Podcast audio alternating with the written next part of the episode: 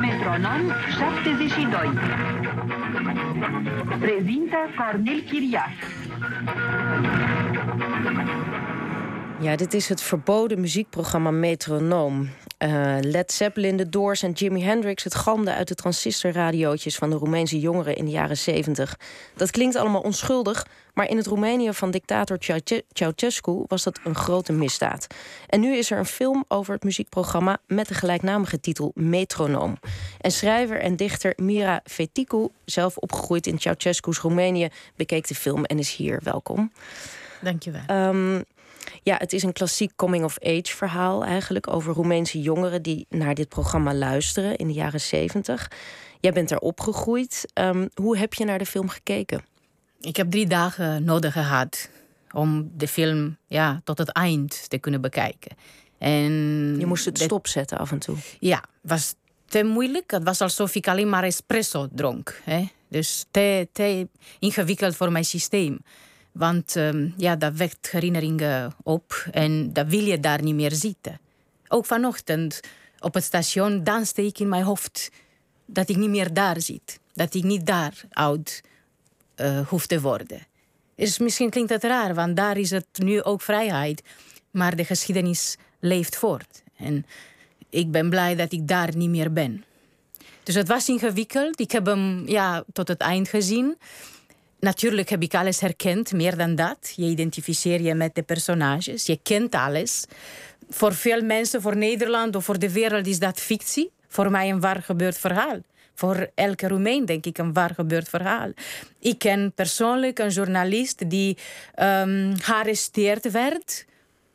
Um, toen hij jong was, omdat hij naar muziek, buitenlandse muziek luisterde toevallig ja, journalist, um, um, muziekjournalist.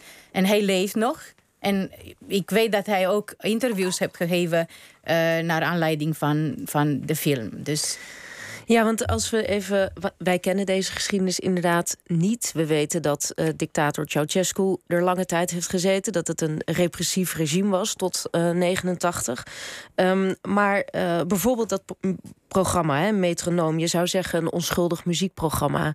Um, de betekenis was heel groot. Wat was de betekenis voor die jongeren om daarmee te beginnen? Nou, het was ten eerste een deur naar de vrijheid, een oase. Iets anders dan de patriotische muziek, nationalistische muziek. Want waarmee was, we opgegroeid uh, waren. Ja. ja, natuurlijk.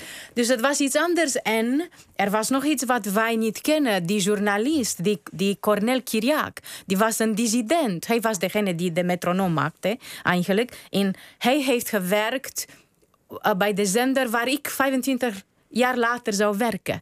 Um, um, ik zie hem daar zitten en ik weet hoe het moest zijn. Ik begrijp het. Hij was een dissident. Hij uh, vocht voor de vrijheid. En hij wist.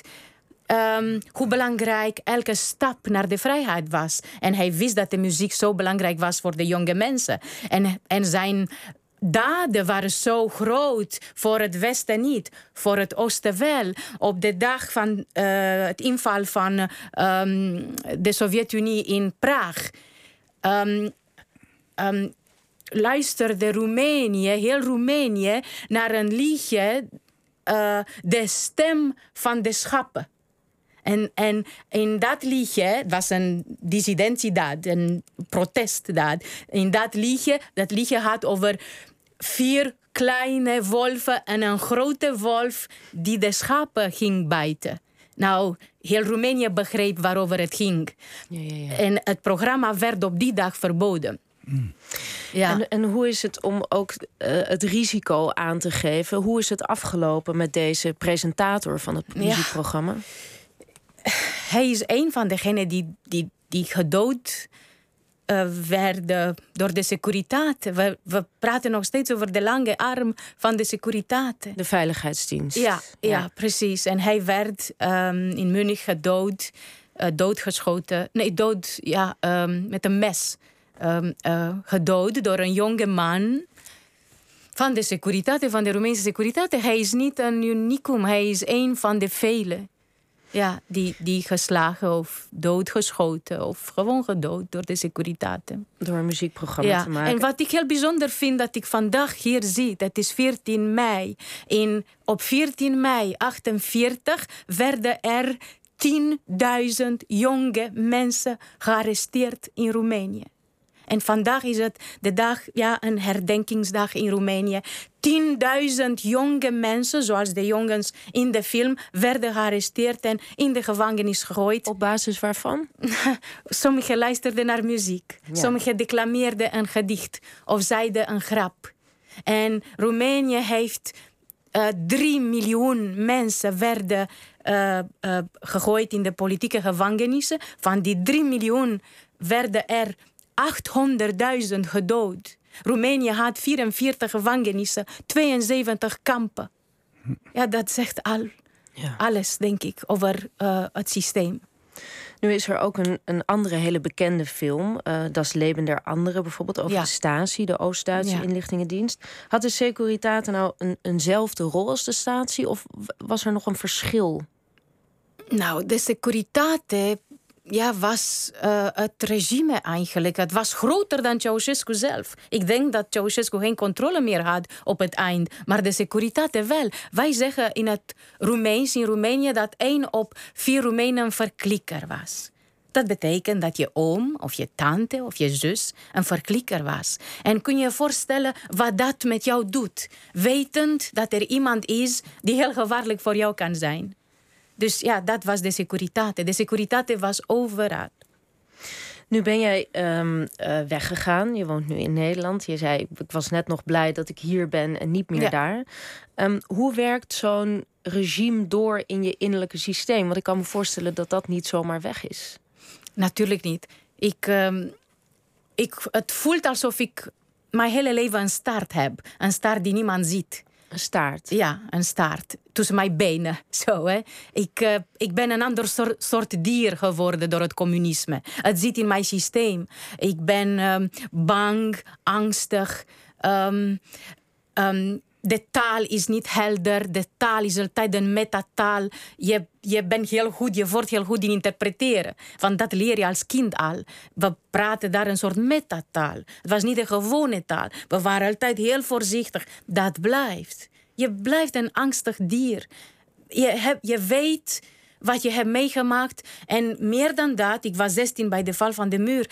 En uh, toen ik journalist werd bij, uh, bij Radio 1 van Roemenië, las ik de memoires van de vrouwen die in de gevangenissen, in de politieke gevangenissen zaten. En ik werd ziek. Je begrijpt voor altijd dat je landgenoten mensen hebben gemarteld. En je wil weg. Mm.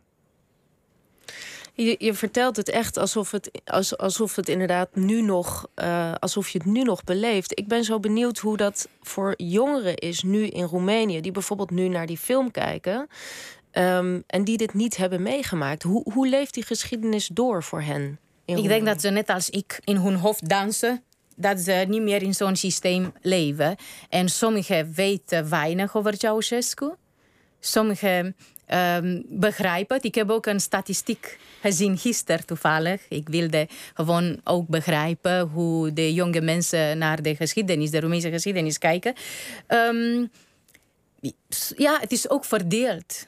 Ik stel me voor dat de kinderen van de securiteiten een soort nostalgie hebben eigenlijk naar die tijden. Maar wordt daarover gesproken, denk ja, je? Het wordt, ja, natuurlijk wel, want het zit overal. Als je door Boekarest loopt, door het centrum, zie je de, de sporen van de um, kogels, van de val van de muur. Ik kan daar niet normaal lopen. Het is, en ik heb interviews gemaakt met de nabestaanden van de kinderen die doodgeschoten werden bij de val van de muur.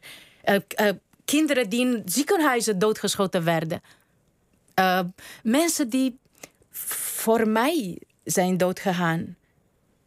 Want door hen kan ik dansen op het station in Hilversum. En ja, dat betekent heel veel voor mij. Maar in Roemenië is dat niet opgelost. Het dossier van de Securitate zit onder andere 100 dossiers van andere grote problemen in Roemenië. Dus die, zijn nog niet vrijgegeven, nee, bedoel je? Nee, ja. natuurlijk niet. Ja. In Roemenië kent iedereen de vraag: wie heeft op ons geschoten? Hmm. Het is een retorische vraag nog steeds. Ja, ja, ja, precies. Wie zouden er naar de film moeten kijken, wat jou betreft?